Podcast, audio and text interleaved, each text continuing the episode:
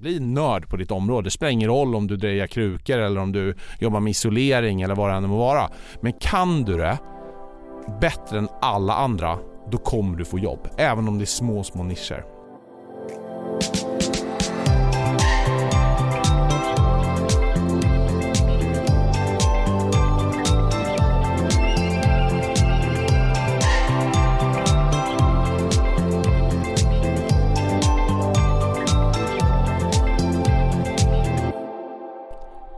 Varmt välkommen till det andra avsnittet av Med målet i sikte. Jag heter Lisa Gustafsson. Och jag heter Charlotte Olsson Bresciani. Vi jobbar tillsammans på Iris och här på vårt jobb så möter vi dagligen arbetsgivare, arbetssökande och företag som alla är på väg mot ett nytt mål här i livet. Det pratas mycket om vikten av att ha ett nätverk och ett starkt personligt varumärke. Men vilka hör till ditt nätverk? Och hur ska du göra för att behålla kontakten med de som kan vara till hjälp när du ska nå dina mål? Idag har vi Alexander Slotte här i podden eh, och Alexanders företag bygger på att du ska vara top of mind hos dina kunder och framtida arbetsgivare. Varmt välkommen Mr Top of Heart, Alexander. Tack, tack. Vad kul att vara här. Vi undrar ju så här, vem är du?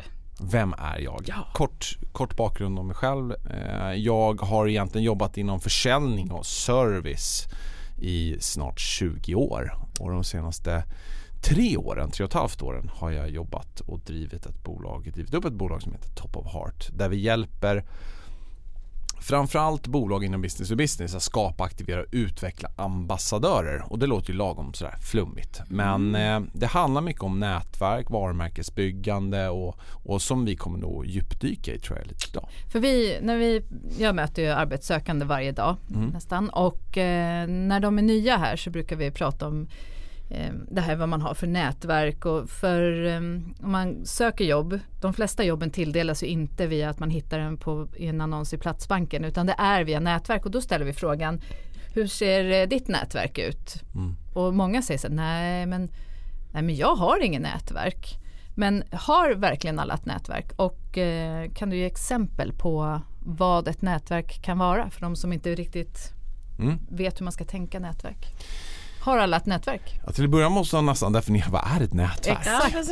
Jag tror ett väldefinierat nätverk det är ju x antal personer runt omkring dig som menar och vill dig väl. Alltså titta på människor runt omkring dig. Och, eh, och det kan vara allt från fysiska relationer så att säga där du träffas i, i det verkliga livet men det kan också nu med digitala verktyg och, och sådana förutsättningar plattformar som Facebook, Instagram men LinkedIn då om man pratar jobb eh, öppna enorma möjligheter till att, att eh, nå ut till många människor. Mm. Så att jag skulle sätta mig ner och börja definiera vilka är de här och sen också så har man också väldigt mycket föreställningar när man börjar prata om de här sakerna. Ja men det måste vara affärsmässigt eller det måste vara gränserna mellan vad, vad som är affärsmässigt och vad som är privat eller personligt skulle jag vilja säga eh, suddas mer och mer ut. Eh, och det tror jag är bra och jag tror att det är viktigt för att vi, liksom, vi är inte i det här med att dela upp sig själv i många olika roller. Jag tror det ger en falsk bild och det är också mycket, mycket svårare att bygga ett nätverk. Alltså antingen är du den du är och då kommer det lysa igenom oavsett om du söker ett jobb, söker en kund eller söker en partner eller vad det än du söker. Så att jag tror att det är viktigt att, att eh, eh, ta, ta vara på de kvaliteterna man har. Och relationer över, även om det är en Facebookgrupp eller om det är ett Instagramkonto man, man följer och eh, kommenterar varandra. Det blir en form av nätverk va? Absolut, Ja. absolut. Återigen, både digitalt och i fysiskt format. Mm. Eh, sen ska man ju tänka på att bygga relationer och framförallt starka band och starka relationer över tid.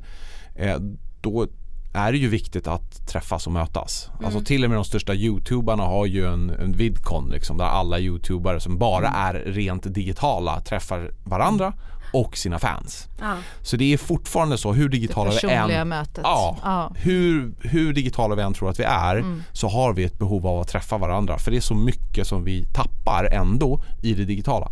Än så länge ska man säga. Mm. För utvecklingen går ju framåt där också. Ja den gör det. Ja, men vilka i det här, när jag nu vet liksom, okej Mm. det här är mitt personliga nätverk. Ja, Vilka ska jag prioritera? Där är en utmaning. Och det var ju därför vi började titta på väldigt mycket forskning kring det här. Och ska man inte göra för mycket för vi har tittat på många forskningsstudier. Vi studerar ganska mycket själva men det finns också tillgå ganska mycket forskning. Eh, men då finns det en intressant forskare som heter Robin Dunbar. Han har ju forskat, det är bara att söka nu ni som lyssnar på det här på Dunbars number på Wikipedia eller någonting så kommer ni få fram ganska mycket information. Men Robin Dunbar eh, tittade väldigt mycket på vår kognitiva förmåga eller snarare oförmåga att bygga för många relationer. Och idag om man då tittar till exempel på era nätverk, ni har ju Facebook, ni har Instagram och ni har LinkedIn och sådär. Man har rätt många, hundratals, till och med kanske tusentals kontakter. Men då säger ju forskningen att vi har någonstans en begränsning kring 150 individer och, snar, och då finns Oj. det ett exakt tal till och med på 147,8. Sen får man ta det med en nypa salt. Men bara att inse det och det här är ju någonting så vad man då har tittat på det är ju att vi någonstans har levt på den här jorden någonstans 200 000 generationer och hur har vi då levt? Vi har inte levt som vi gör nu i storstäder och med digitala liksom, plattformar utan vi har levt i grupper om ungefär 150 individer. Mm. För där jag vet att Lisas roll i det här fallet är det här och göra upp eld. Min roll Alexander är att jaga in eh, vad det nu må vara och Charlottes roll är att ta hand om barn. Alltså det är så här, man har olika roller och man är beroende av varandra. Och det här är ganska intressant då när man då tittar på näringslivet idag och här finns det då bolag som har förstått det här. Eh, och då till exempel Gore-Tex, de bygger sina fabriker där de har max 100-150 personer i den fabriken. Från ledning ner till hela. För de har förstått att när det blir för stort då, in, då, då tappar vi förmågan till att förstå förhållanden till varandra och hur viktigt vi är. Samarbete för- och allting. Mm. Yes, och det här har väldigt många större bolag börjat anamma. Så man bryter ner det här i grupper om max 150 individer. Och som sagt, inget är ju en exakt vetenskap. Men bara ha med sig det i tanken när man då börjar titta på sitt nätverk. Kan jag ha 3000 personer? Kan jag ha 30? Kan jag ha 400? Så någonstans känner du frustrerad och kanske inte riktigt kommer, det kanske får ta för många. För det gäller ju också att kunna vårda det här, så det som vi ska prata om sen Precis. också, och ta hand om dem och komma ihåg vad de heter och så att det ska bli det personliga. också. Exakt, exakt. Och med den vetskapen då så tror jag att där kan man bara börja och sortera att okej, ha inte för många. Se till att börja prioritera de som är viktigast. Men då kommer man liksom till det här, okej hur ska jag då börja prioritera mellan de här? Då insåg vi, och det här har vi tittat på flera andra forskningsstudier, men jag ska inte gräva ner det för det kan man sitta och prata om det i flera timmar. Men, men då kom vi fram till en modell som heter 5L och den tog vi fram, jag i, i bolaget tillsammans med en kille som heter Ken Skog. Och där började vi titta på så här, okay, hur kan man då applicera utifrån nuvarande liksom, omständigheter. Just när vi har plattformar, vi har fysiska nätverk, vi har kontakter överallt egentligen. Och den modellen bygger egentligen på fem steg och jag tror att det kan vara en bra grundmodell. Vi kan väl se till att den läggs upp i anslutning till den här podden också så för de som lyssnar ändå kan gå in och titta på den. Få en, ja, en bild En av det. visuell ja, bild. En visuell bild, Eh, några har beskrivit den som en liten större glasspinne, några andra som en julgran och någonstans däremellan. Men om man tittar på foten på en julgran, eh, en ganska liten grupp, eh, där kallar vi eh, den första nivån för lost. Och lost är egentligen människor du har valt att på ett eller annat sätt inte ha i ditt nätverk. Och då kan man tänka varför börjar vi med någonting vi inte har? Ja, jag kommer komma till poängen längre upp. Men det är viktigt också att sortera bort vilka ger dig energi. Börja där. För ger dig personen inte dig glädje och energi oavsett hur mycket jobb de kan ge dig så kommer det inte vara värt det. Och jag tror att ibland måste man komma till en själv, alltså man måste inse själv liksom någonstans vilka i ditt nätverk som faktiskt är där för dig eller är där kanske av egen vinning. Och det här kan också vara människor som är väldigt nära dig vilket gör att det kan vara ibland svårt att prioritera. Det här kan vara föräldrar som håller dig tillbaka. Det. Du nu som lyssnar. Eller det kan vara en nära vän som håller dig tillbaka för att du vill utvecklas i en viss riktning. Och då Eller bara gäller- gör saker för sin egen vinnings skull också. Absolut. Ja. Mm. Så där är det viktigt att tänka på liksom någonstans att sätta sig själv kritiskt. Vilka har jag faktiskt runt omkring mig? Har jag valt dem eller har de kommit bara till mig? Mm. Och någonstans börja där och då kommer du hitta människor som säger att ah, men här vill jag avveckla den här relationen. För antingen utvecklar du en relation eller så avvecklar du den. Att ha den bestående, någonstans för att citera Christer Olsson som är en duktig föreläsare, eh, den är, det är livsfarlig strategi för då ligger de bara flyter. Så antingen så utvecklar man relationen och ser till att satsa på den eller så kommer den försvinna. Och jag tror verkligen att då titta på att, att ta bort de som tar energi från dig. Hamnar de på lost De då? hamnar på lost de och där, på där har du lost. oftast ganska få. Ja. Sen när man tar klivet upp här då, nu har vi den här om man ska titta på julgransfoten längst ner här nu där är liksom längst ner på, på, På granen. på, granris, på granriset, de, de som är längst i botten här, den breda massan. Eh, det är de vi kallar för loud. Och loud är egentligen, där kan man tänka lite, ta framförallt sociala medier. Idag, vi coachar ju individer som har liksom 200 följare men vi har också coachat personer som har 300 000. 400 000 personer som följer. Och då är det ju oftast en kommunikation en till många. Det är mycket nästan marknadsföring fast det är om ditt personliga varumärke. Och där måste man tänka på lite vilka kommunicerar jag, jag med? Eh, på vilket sätt kommunicerar jag? På vilket sätt vill jag framhäva mitt varumärke? Och det där är ju ganska spännande nu med social selling och allting som har varit ganska populärt nu ganska många år och kommer fortfarande, är ju bara i sin linda. Eh, Men just att människor har ju kan ju bygga en föreställning, en förutfattade meningar eller allt möjligt, både positivt och negativt om dig som varumärke. Och när de träffar dig för första gången så kan ju folk ha bildat sig en väldigt stor uppfattning om vem du är. Och det, och det har ju sina fördelar. Så de som till exempel då som är arbetssökande börjar bygga ett varumärke på LinkedIn är ju ypperligt för att hitta din spetskompetens och börja sprida det där. För folk kommer ju att söka på dig. Och bygga ett personligt varumärke tar många, många, många år. Och det, så därför är det aldrig för tidigt att börja direkt. Och alltså. inte för sent heller. Och inte för sent. Nej. Nej. Så att där kan man tänka om loud och det, det, det är tanken då att liksom se att hur når jag ut till massan och, och hur ser jag ut att synas för många. Så tänker man som arbetssökande så kan man tänka sig att eh, liksom, ja, börja bygga varumärket nu för att du kanske inte får det här jobbet just nu. Om, liksom inom tre månader. Men inom ett och ett halvt år så får du drömjobbet. Men då gäller det att börja nu och visa vem du är.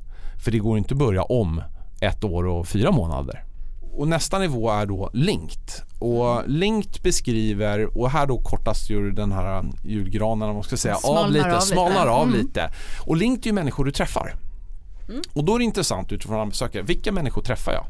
Vilka arbetsgivare, vilka i mitt nätverk träffar jag kontinuerligt? Vilka nya framförallt individer träffar jag? För under ett år träffar man jättemånga människor. Under ett liv sägs det att man träffar någonstans kring 80 000 personer. Eh, Så ta det och fördela det under ett år så träffar man väldigt ma- massa människor. För återigen, re- relationer byggs ju över, över tid och det gäller att ge det tid men också ge det energi. Och, eh, så. så att verkligen ta vara på vilka, vilka man har träffat. Och det kanske inte bara är då så här en mm, VD någonstans eller Nej. någon HR utan det kanske är någon i samma jobbsökargrupp eller Absolut. på mitt gym som jag liksom Jajamän. hänger med. Och där tror jag också, du är inne på en väldigt, väldigt viktig del som jag ser att många kanske inte riktigt tänker på, som jag tror kan vara bra att tänka på. Det är att tänk i fler led. Och där tror jag att man oftast blir lite så här, jaha nu träffar jag Lisa, men Lisa känner inte de som jag känner så därför så, så satsar jag inte där istället för att fundera, jaha vilka känner hon i sin tur? Vilka är hon hopkopplad? Och det kan man ju se idag på LinkedIn och på Facebook och sådär. Att göra den efterforskningen, väl värt. Mm. Och sen så har vi två sista stegen och det är like och sen är det love på toppen. Nu börjar det bli Och nu börjar, det kärleksfullt sma- här. nu börjar det bli kärleksfullt, nu börjar det sm- smala av. Det här är ju fortfarande en affärsmässig eh, prioriteringsmodell så love ska man inte misstolka på det sättet. Det handlar inte om din käresta eller liksom dina föräldrar här uppe utan, utan mer snarare analogin att de här är för dig absolut, absolut viktigast. De står för dina värderingar, ni har en transparent relation, ni hjälper varandra i affärer, ni hjälper er framåt eh, och så. Mm. Eh, och, och tittar man då kring de här 150 individerna som jag började med här att okej, har man en begränsning och så tar man bort sig ja, en 20-30 personer som är kanske direkt i släkt eller vänner och sådär så har man kanske säg ett hundratal, 110-120 kvar. De här fördelas oftast någonstans mellan love och like och några på linked. Det är ungefär där som personerna finns. Och då är det viktigt att veta, okej hur många ska jag ha då? För jag kan ju inte ha liksom alla på toppen. Alla kan ju inte vara lika mycket värda. Eller hur? Alla är ju värda lika mycket men ja, Ja. alltså De kan Men- inte göra lika mycket Nej. för, Och man för mig. hinner framförallt inte kanske mm, ha den nära relationen, vårdande relationen med dem. tänker jag. Exakt. Precis, och då gäller det verkligen att prioritera. Vilka ger mig mest energi? Vilka får jag mest energi ifrån? Vilka ser mig verkligen för den jag är? Vilka kan jag liksom vara den jag vill vara som? På riktigt, liksom, genuint. Börja där. De är dina loves här uppe. Återigen, ta bort dina föräldrar och direkt bästa kompisar men ändå ha där du har affärsrelationer och kan, kan bygga därifrån. Mm. Titta på de individerna. Och du har nog oftast inte mellan mer än, och i början kommer du tänka så här, jag har nog ingen kanske eller jag har två eller så här. Och de, de som vi coachar någonstans har kanske mellan 10 och 20 max. Det är Mm. inte mer än så. Är det där man ska ligga någonstans för att, att mäkta med det? Eller vad? Jag tror det, för Ja. det ställer ju också krav på, jag menar bara för att man är där just nu, ingenting är ju konstant. Återigen, allting måste ju utvecklas, annars avvecklas det ju, vilket betyder Mm. att bara för Man att det är det just ner nu. i granen. Ja men lite Ja. så är det ju. För att Mm. jag menar underhåller man det inte så, så, så blir det ju så naturligt att man Absolut. faller ifrån varandra. Och det Ja. vet vi själv i livets olika skeden vi har beroende på var man befinner Mm. sig själv. Liksom. I ungdomens år så träffar man ju kompisar hela tiden och sen har man barn och familj och Mm. allting och då glider det här isär och då kan man prioritera det på ett, på ett bra Mm. sätt så kan man fortfarande hålla igång det. Men det kräver lite struktur. Liksom. Mm. Så. Mm.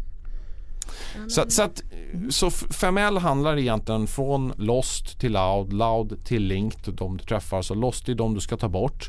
Loud egentligen till mycket tänka sociala medier och tänka och sprida ditt varumärke. Link till de du träffar och framförallt över ett år. Och sen har du Like och, och sen Love. Och det är en, det är en bra liksom modell. Sen om du bedömer de här som 5K eller 5B eller, eller överhuvudtaget. Men jag tror att det är bra att ha det i bakhuvudet att göra en liten sån sondering.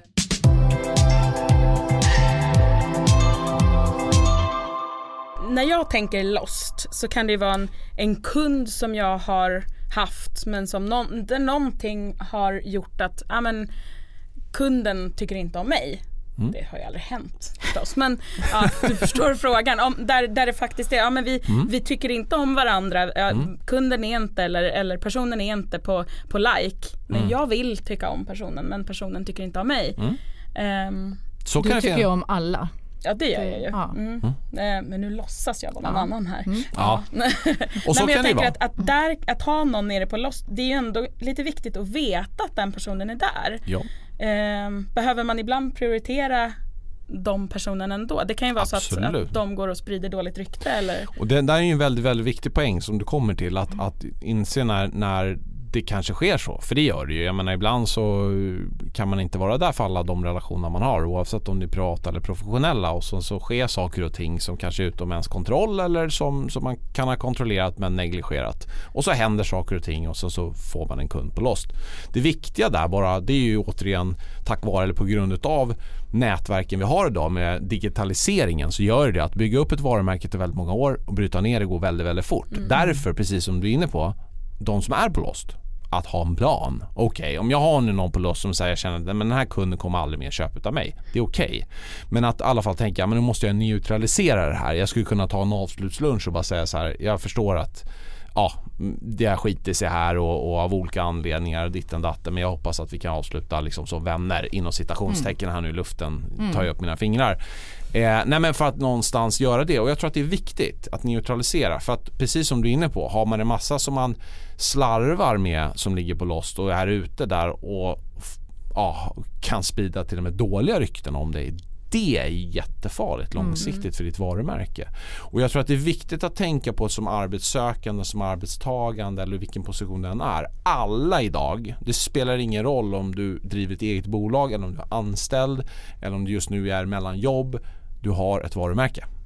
Sen om du är medveten och vill jobba med det eller inte, det är upp till dig. Men du har ett varumärke. Om du skulle beskriva ett personligt varumärke, vad är det? Nej men för mig handlar tänker med personligt varumärke Det är ju en till viss del first impressions last liksom. Lite axreklamen på 90-talet. Nej men så här, hur möter du människor? Jag menar det är som jag möter er två alltid med ett leende liksom. Och, och det är inte alltid självklart. Men att man alltid möta människor med ett leende. Jag tror att bara där har man kommit halvvägs in i många relationer liksom. Oavsett om de är professionella eller privata. Att tänka på vissa sådana här delar eh, som är ganska subtila och små. Det behöver inte vara det här, man behöver inte bygga världens största gigantiska varumärke för att det, det, det ska ge spridning utan jag tror många sådana små detaljer. Men sen också hitta sin nisch. Eh, jag tror väldigt mycket mer på idag på nischande. Jag var i ett annat poddsammanhang och pratade lite om, om framtidens säljare och sälj överhuvudtaget som, som jag började min introduktion med att jag kommer ifrån och har mycket erfarenhet och bakgrund kring. Men där är ju också, där ser man ju att mycket försäljning idag på grund av då marknaden eh, kommer ju förändras vilket gör att Idag köper vi produkter på ett annat sätt. Vi behöver inte en säljare som talar om hur en diskmaskin funkar. Liksom. Jag kan gå på Mm. YouTube det. Eh, alltså jag, jag behöver inte den hjälpen. Vilket gör att det ställer högre krav på dig. Jag tror du som arbetstagare ska också tänka på vilka branscher går man in i. Vilka branscher kommer överleva de närmsta 5-15 åren. Vilka kommer vara attraktiva. Och en attraktivitet som alltid kommer köpa det är nischningar. Alltså nischar du inom ett område och blir inom lite citationstecken en nörd som har varit ett fult område men vilket jag gillar. Jag gillar det. Bli nörd på ditt område. Det spelar ingen roll om du drejar krukor eller om du jobbar med isolering eller vad det än må vara. Men kan du det bättre än alla andra då kommer du få jobb. Även om det är små, små nischer. Så varumärkesbyggande, nischa dig för brett. Du hamnar du i mellanmjölk och det här är lite såhär svennebanan grej. Du vet man vill inte vara ytterligheter. allt Ja, men man vill inte vara ytterligheter. Du vill inte sticka ut åt någon ytterlighet. Du vill vara i mellanmjölk liksom för då sticker du inte ut. Och det är lite jantelag och allt sånt. Jag orkar inte ens prata om jantelag. Utan var den du är och, och se till att det är där du kapitaliserar på ditt varumärke. Och hitta en nisch. Och sen, och sen, och det är den sista då. Så att ett, liksom vad den du är, hitta en nisch inom det du älskar att göra. Och sen nummer två, se till att hitta hur den kontexten kan komma in och hjälpa andra bolag. För idag blir komplexiteten hos många bolag eh, är ju ganska stor. Alltså hur ska jag skapa värde i ett bolag? Och förstå liksom en helhetsprocess hur ett bolag tar in en kund till man förvaltar till den försvinner. Bara sätter man sig in i förståelsen där hos en kund. Det är också en yrkesstolthet då Verkligen. tänker jag också. Då får man väl också ett starkt, jag, jag tänker att ett personligt varumärke också handlar om mycket vem man är som person. Vad, hur, jag, hur vill jag vara? Hur vill jag att andra människor ser mig? Vad har jag för lite extra som jag kan bidra med? Egentligen så, så jag menar ett, ett eh, företags varumärke är, ju egentligen samma sak. Hur vill, hur vill vi som företag att, att människor ska se oss och vad ska man tänka på? Vad ska man associera till det här företaget? Det blir ju egentligen samma sak med det personliga varumärket. Visst, absolut. Jag måste ju skärpa mig och säga personligt varumärke för jag brukar ju ibland när jag pratar liksom, ja, men, hur man ska ta sig in på arbetsmarknaden med, med våra arbetssökande ibland så händer det att jag pratar om ja, men, du behöver sälja dig själv eh, och då tycker kanske en del att så här, nej nej det, är inte, det låter inte så bra att sälja sig själv. Säger jag bara, nej nej men du ska sälja in ditt varumärke. Ehm, och Men sen är det lite fult, är du inne på det här med sälja överhuvudtaget. Det är ju fortfarande lite stigmatiserat. Det är lite så här, det är lite fult. Det är Ja. lite sådär. Och Jag tycker, alltså återigen. Är du stolt för det du gör? Står du upp för den du är och den kunskapen du har och så. Då ska du ju sälja. Du har nästan en skyldighet att sälja. Säljer du inte, då låter du inte andra människor få köpa av din kunskap. Då är du snarare egoistisk. Du är precis tvärtom. Och jag tror att det, erbjudande och liksom Ja. Och det är väl så vi måste få våra, ja, men, de arbetssökande som vi möter också att, att inse det och våga ge sig själv, våga sälja in sig själv. Ja. Det kan ju vara svårt. Ja. Och även svårt. om man står, eh, man har ett jobb eh, och sitter i mellanmjölkens land och är halvnöjd Ja. eh, så behöver man ju också bara liksom höja blicken och se att ja, men där borta skulle jag ju göra så mycket mer och liksom bättre för människor och bättre för Mm. ja, mig själv så att jag kanske ska våga eh, ta ett stort steg. Och en sak som kan lägga till där som jag tror är viktigt ni som är mellan jobb men också de som kanske sitter på en arbetsplats känner att det är på väg att liksom vilja göra annorlunda eller något annat. Att börja bygga sitt varumärke tar viss tid. Ja, men precis som du måste ta en viss tid till träning för att annars kommer du få ha en viss tid till sjukdom lite senare i livet. Så enkelt är det. Eh, och, och, och det är lite samma sak här. Vill du, till, vill du verkligen skapa mening i ditt yrke och skapa mening för ditt liv så har ju jobbet en väldigt stor roll. Och då måste du lägga en procent av din tid för att göra det. Så enkelt är det. Det vill säga lägg 5%, räkna ut vad 5% är i tid. Lägg det på att bygga ditt varumärke. Det vill säga om det är en och en halv timme i veckan eller nu, ingen aning. Men ta den timmen och en halv, sondera vad gör de bästa i världen för att bygga sina varumärken. Gå de kurserna, läs de eh, grejerna på Youtube eller bara allting finns, all information finns ju där. Och sen börja små steg. Skriv din LinkedIn-profil, börja där. Skriv din ordentliga Facebook-profil. Vil- vilka forum finns det? Gå i de här och hela tiden så kommer du ta små, små, små, små steg mot det du vill och göra det. Om inte annat då kanske du är nöjd där du sitter idag men då kommer du kunna ha möjligheten att påverka din lön, påverka din förmåga att påverka bolaget ännu mer och så vidare. Så det finns bara fördelar men man måste avsätta den tiden. Det är inget som kommer av sig själv. Här måste man jobba, det är ju en del i jobbet. Ja, men du, det är ju så, Mm. men du kommer alltid fylla din tid till 100%. Mm. Alla har liksom 100%. Eh, Oavsett hur lite du har att göra eller hur mycket du har att göra så kommer du ha 100% att göra. Men du måste avsätta den tiden för annars kommer den aldrig bli av. Liksom. Det handlar ju också lite om att så som, så som eh, ditt företag heter Top of Heart men Top of Mind Mm. att, att om jag ser till att de i mitt nätverk vet lite vart jag är på väg eller vad jag, vad jag har för mål eller vad, liksom, vad vill jag.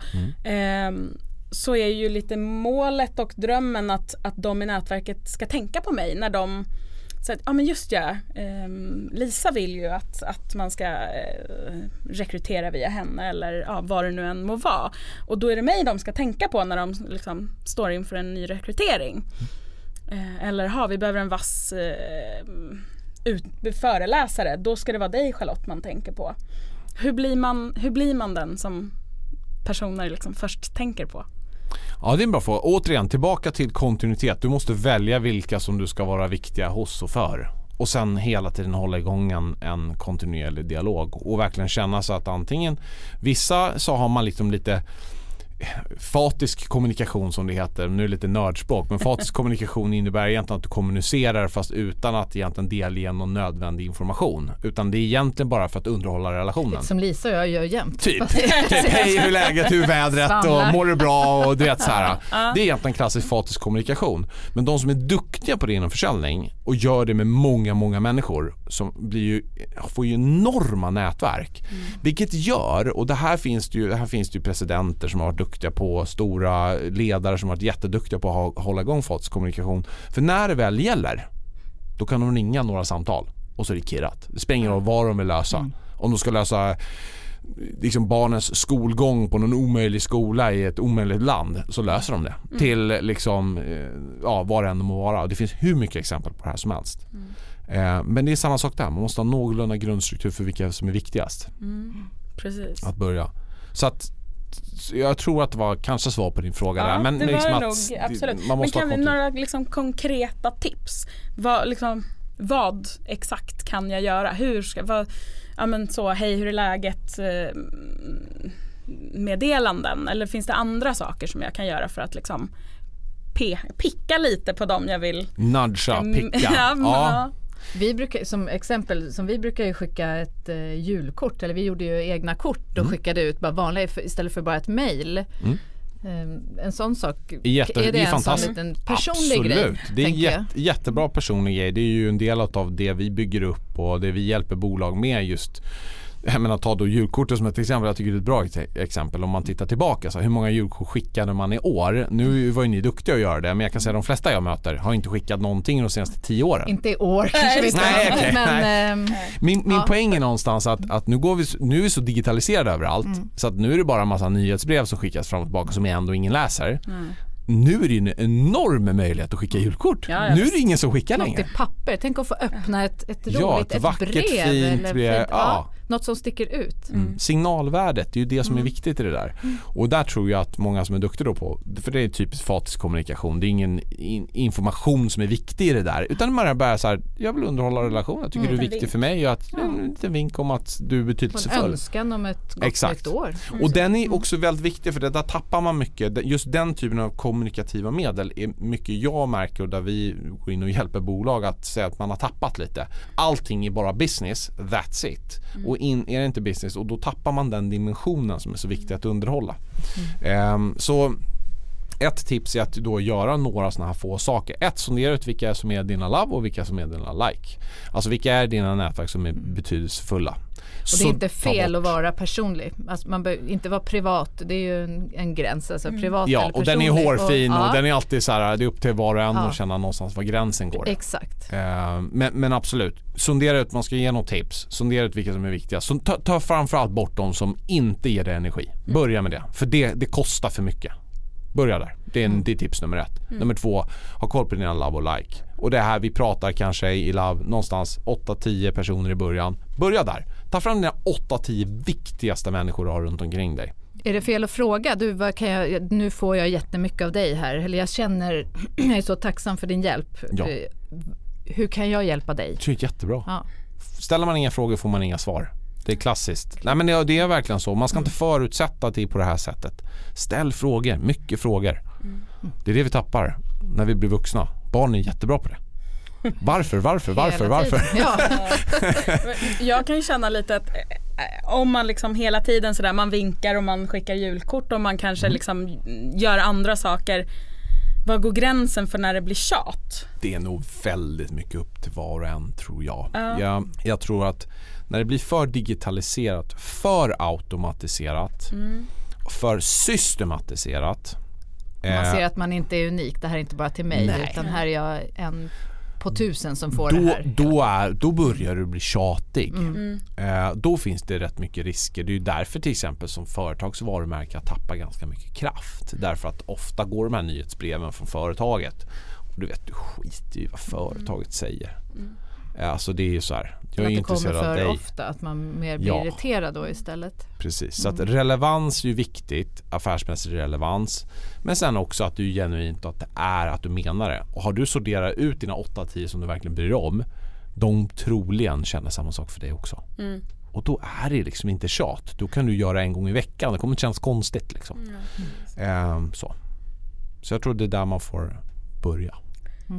Men känslan av att så här, om, jag, om jag ber dig att åh kan inte du koppla ihop mig med den Mm. här äh, vdn där eller Ja. Mm. och när jag börjar liksom be dig för mycket eh, Det är en jätteläskig fråga det där. Ja för det, alltså jag, vill, jag vill ju inte känna att jag utnyttjar dig. Nej. Vad, vad kan jag, hur kan jag tänka där? Känner du att du utnyttjar mig om du skulle ställa den frågan?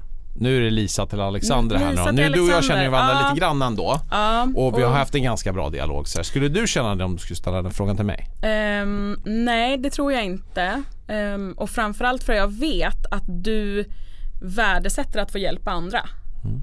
Att, att du ser att, ja, men gud vad bra att jag får hjälpa dig för då, kom, då ökar chansen att jag kommer hjälpa dig Mm. en annan gång. Ehm, men om jag ska fråga någon annan som jag kanske inte känner riktigt lika väl så Mm. skulle jag lite ha den där att så här, nu kanske de tycker att jag utnyttjar dem. Och ibland så känner man så här, det där känns alldeles rätt. Då är det bara att göra det. Andra gånger så måste du göra det ändå och ställa frågan. Det värsta du kan få, vad är det? Ett nej. Ja. Eller att det inte händer någonting. Och det är okej. Det är liksom, och ibland så är det så här att, att ge referensrekommendationer, det är ju det någonstans vi jobbar med, men det är inte helt lätt. Eh, det är verkligen inte lätt. För man kan rekommendera människor därför att man gillar människan. Eh, men pratar vi affärer så ska den in i en kontext. Liksom. Eh, det finns ett behov eller det finns någonting där som måste täckas och ibland så måste man chansa. Ibland måste jag rekommendera dig utan, jag vet inte var det tar vägen. Jag bara vet att det här är två människor som jag gillar, har rätt värderingar och rätt sätt att se.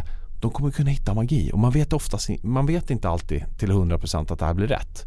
Men det är ingenting i livet som vi vet. Gör vi 80% rätt så blir det jäkligt bra ändå. Så jag tror ibland måste man bara chansa och ge de här. Men det är också så här. Nu sitter man så här, ja nu ska jag sondera mitt nätverk, åtta personer, så ska jag göra så här. Ja, och sen ska, ska du få en tredje grej. Du ska rekommendera och, eller sätta ihop två individer med varandra som inte känner varandra och göra det tre stycken sådana under en månad. Det är mitt lilla, jag, jag ger en liten eh, Drag. lite uppdrag till er som sitter och lyssnar på det här. Om ni tycker att det här är vettigt och känns vettigt och sporrad, gör det. För det är inte förrän man sätter det verkligt ett litet mål, det är då man börjar jobba mot det. Men den trenden att börja sätta ihop andra människor, det är också någonting vi ser att de som är bäst i sina branscher, de gör det.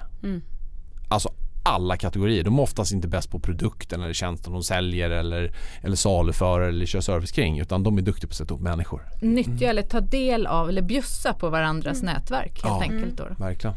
Och för att svara på min egen fråga tidigare om att bli liksom, känna att man, man utnyttjar någon så, så vet ju jag hur jag känner om, om du ber mig om någonting. Eh, att amen, eh, kan du hjälpa mig att få kontakt med någon hit eller dit. Jag känner ju aldrig någonsin att så här, gud vad du utnyttjar mig Alexander. Utan jag blir ju jätteglad över att få hjälpa Man vill till. ju kunna få hjälpa, man mår ju bra av att få hjälpa någon Ja. Precis. annan. Och jag tror att det är det man måste också ha med sig när man står där och är lite nervös för att be om, om hjälp eller liksom, ja. Att så här, det kanske, det är lite win-win. Det är det absolut. Och sen återigen när man har sina loves där och man sorterat ut en 8-10 uppdatera dem en gång i halvåret med vad har hänt nu i och så vidare. Vad är det nu som sker? vad är det jag har fördjupat mig ytterligare inom och så vidare eh, och skapa ytterligare klarhet. För det handlar om att informera då de här och, som man kan kalla då lite ambassadörerna. Mm. Eh, hur, Just det, så de fortfarande pratar om dig i update? Liksom. Exakt, Mm. exakt. Måste det alltid vara, om jag vill liksom höra av mig, måste det alltid vara att jag berättar någonting om mig eller om, om mitt företag? Eller kan jag liksom Så kunna Nej. fråga Mm. också, visa ett intresse är väl också en, hur går det för er nu? Absolut. Vad- Mm. Ja. Mycket i den kommunikationen handlar ju om den andra motparten men du Mm. får ju oftast frågan hur är läget med dig då? Mm. Och då har du ju ändå en möjlighet att göra en uppdatering. Mm. Eh, så så det, det är ju, ja. Men uppdateringar helt enkelt och det gäller väl Mm. egentligen alla möjliga, alltså oavsett var man är i livet, eh, att man kan mm, ja, ge en liten uppdatering oavsett om det är till handläggaren på Arbetsförmedlingen eller om det är till ja, men, någon, någon gammal vän som man liksom förstår att det här, den här är bra att ha nära. Visst, Mm. absolut. Jag tänker också att det är så här saker som sticker ut lite. Att man, eh, som min syrra jobbar på ett företag förut och då åkte de ut på fredagar och, och levererade en tårta, så här, Mm. överraska sina kunder med en tårta. Eller Mm. någon gång gav de några stickade mössor. Alltså någonting som gjorde att, att det var något lite extra. Mm. Eh, Att man behöver inte vara att man, att man ska köpa dem med, med saker men att man att det är någonting lite annorlunda, att man tänker Mm. till, okej vad har vi, hur kan vi göra så att de kommer ihåg oss eller Man gör det ju roligt. Ja, det exakt. du är inne Det är på det är inte saken, vara- det är inte tårtan, Nej, det är inte nej. julkortet, det är inte det. Fastnar man där då fastnar man i fel saker. Utan det är signalvärdet. Du betyder för vi hittar lite Mm. roligt. Alltså återigen, vilka ger dig energi? Ja men nu har du sorterat bort de som inte ger Mm. energi. Ja men de som har energi här nu då, hur kan man krydda på ännu mer i den? Ja men det är ju hitta på så att roliga de får grejer. skratta lite Ja, eller ja, så här, men ja men nu ser de den här, nu Ja. går jag med den här roliga stickade snygga mössan Ja. och då tänker jag på Lisa och Charlotte. liksom. Ja. precis. Så- Mm. Ja, är det inte roligt då är det ingen mening att göra Nej, det måste, Det måste det ju vara. måste ju sticka Ja. ut. Ja. För att det ska bli meningsfullt och kul. Så det är Mm. ju helt rätt. Göra sådana roliga saker och göra det oftare. Spontant och utan att det är så... Mm. Inte krystat. Nej, nej, Nej, inte då är det kul. Med hjärtat helt Det är kul. enkelt. Ja, det är Ja, kul. härligt. De vanligaste fallgroparna då när man håller på att jobba med sitt varumärke? Den största fallgruppen när du ska bygga ditt varumärke det är en sak och en sak bara. Och det är var inte för perfekt. Där, Det där vi det är din hemma då. enda- Ja, jag. precis. Då är det den här, Det nej. är den enda grejen som kommer få dig att hålla dig tillbaka. För det är så här, åh vad kan jag vara relevant? Varför ska jag göra en LinkedIn-profil? Det är ändå ingen som kommer kolla där. Jag har ingenting att göra, jag har ingen, jag har ingen, jag har ingen. Och så du vet, när du kommer förbi alla de där ursäkterna och sådär och så har du börjat göra, då kommer du upptäcka att det är en fantastisk värld på andra sidan. Men det kräver att du börjar göra och släppa rätt mycket av dina föreställningar Mm. Om din skam och skuld och massor med saker och känslor och, och som liksom ligger där och det har alla människor. Det spelar ingen roll om du är Zlatan eller om du är liksom För vem man du är är. rädd att göra fel. man är rädd? Mm. man, det finns rädslor, det finns massor med saker som ligger under det här. Att man mer bränner broarna än att bygga dem. Det- Och grejen är så här, du kommer inte lyckas. Det är som, alltså det är så här, Nej. nej men du kommer, nej men så här, du, kom, nej men du kommer inte att lyckas första gången du Nej. gör det. Nej. Du kommer inte att starta en LinkedIn-profil imorgon och så, så har du 10 000 som bara, bara rycker i. Det är inte så det funkar liksom. Och låta saker och ting ta tid. Men jag tror den största anledningen är att börja att, att inte vara för perfekt. För ingen är perfekt. Det vet vi. Och bjussig av sig själv Ja. tänker jag också. Att man inte bara är någon medelmåtta liksom, utan Nej. att man bjussar lite på sig själv. Visst.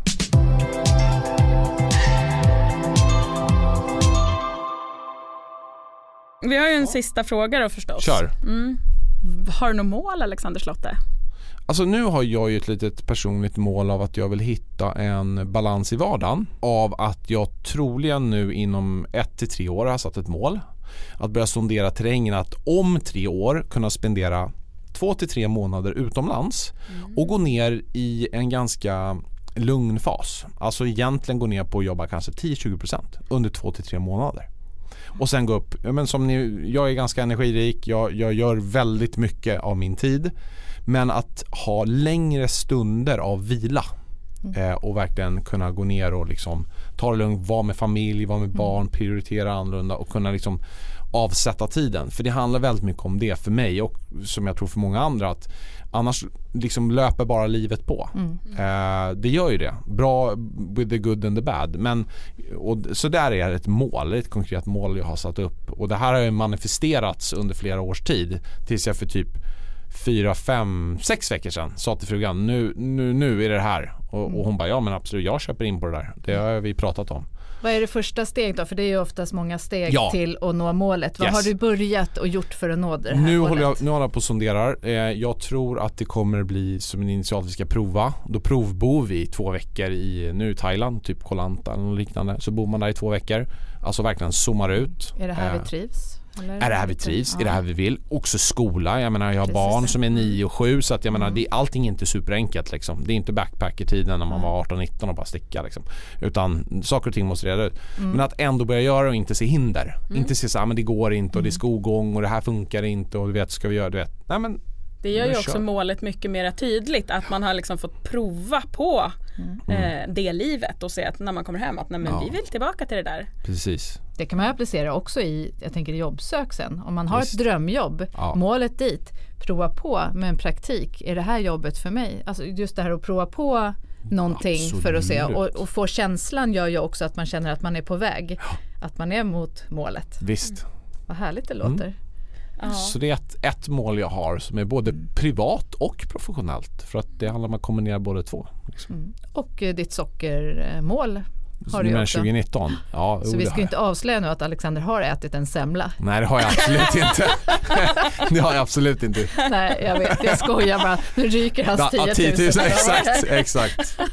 Jo det är så här man, man behåller sina kunder. exakt, sina, avslöjar man hänger ut dem. Man hänger, hänger ut dem i podd. Ja, men Tack så jättemycket Alexander för att du var med här idag. Tack, det var superkul att vara här. Ja, Lisa, vi ska sammanfatta det här avsnittet och vårt fina möte med Alexander. Vad, vad tar du med dig ifrån det? Jag tar framför allt med mig att man ska fokusera på de tio viktigaste kontakterna um, och de som ger mig energi. För att det är, det är de som är mina bästa ambassadörer. Mm. Och hur gör vi det? Man kanske kan eh, dela en intressant artikel. Kan skicka har... ett julkort eller mm. en hälsning på post. Ja, se till att vara top of mind helt mm. enkelt. Mm. Och vara bjussig, att vi ger mer än vad vi tar. Mm. Och eh, vi kopplar upp andra. Det tar jag med mig. Mm. Det ska, så ska jag bli bättre. Ja, vi ska bli bättre på att koppla ihop människor. I nästa avsnitt gästas vi av årets genombrott i talarvärlden, Charbel Gabro. Vi kommer att prata om kulturkrockar och tv-drömmar. Men mest kommer vi få se världen med lite andra ögon. Vi hörs igen om två veckor.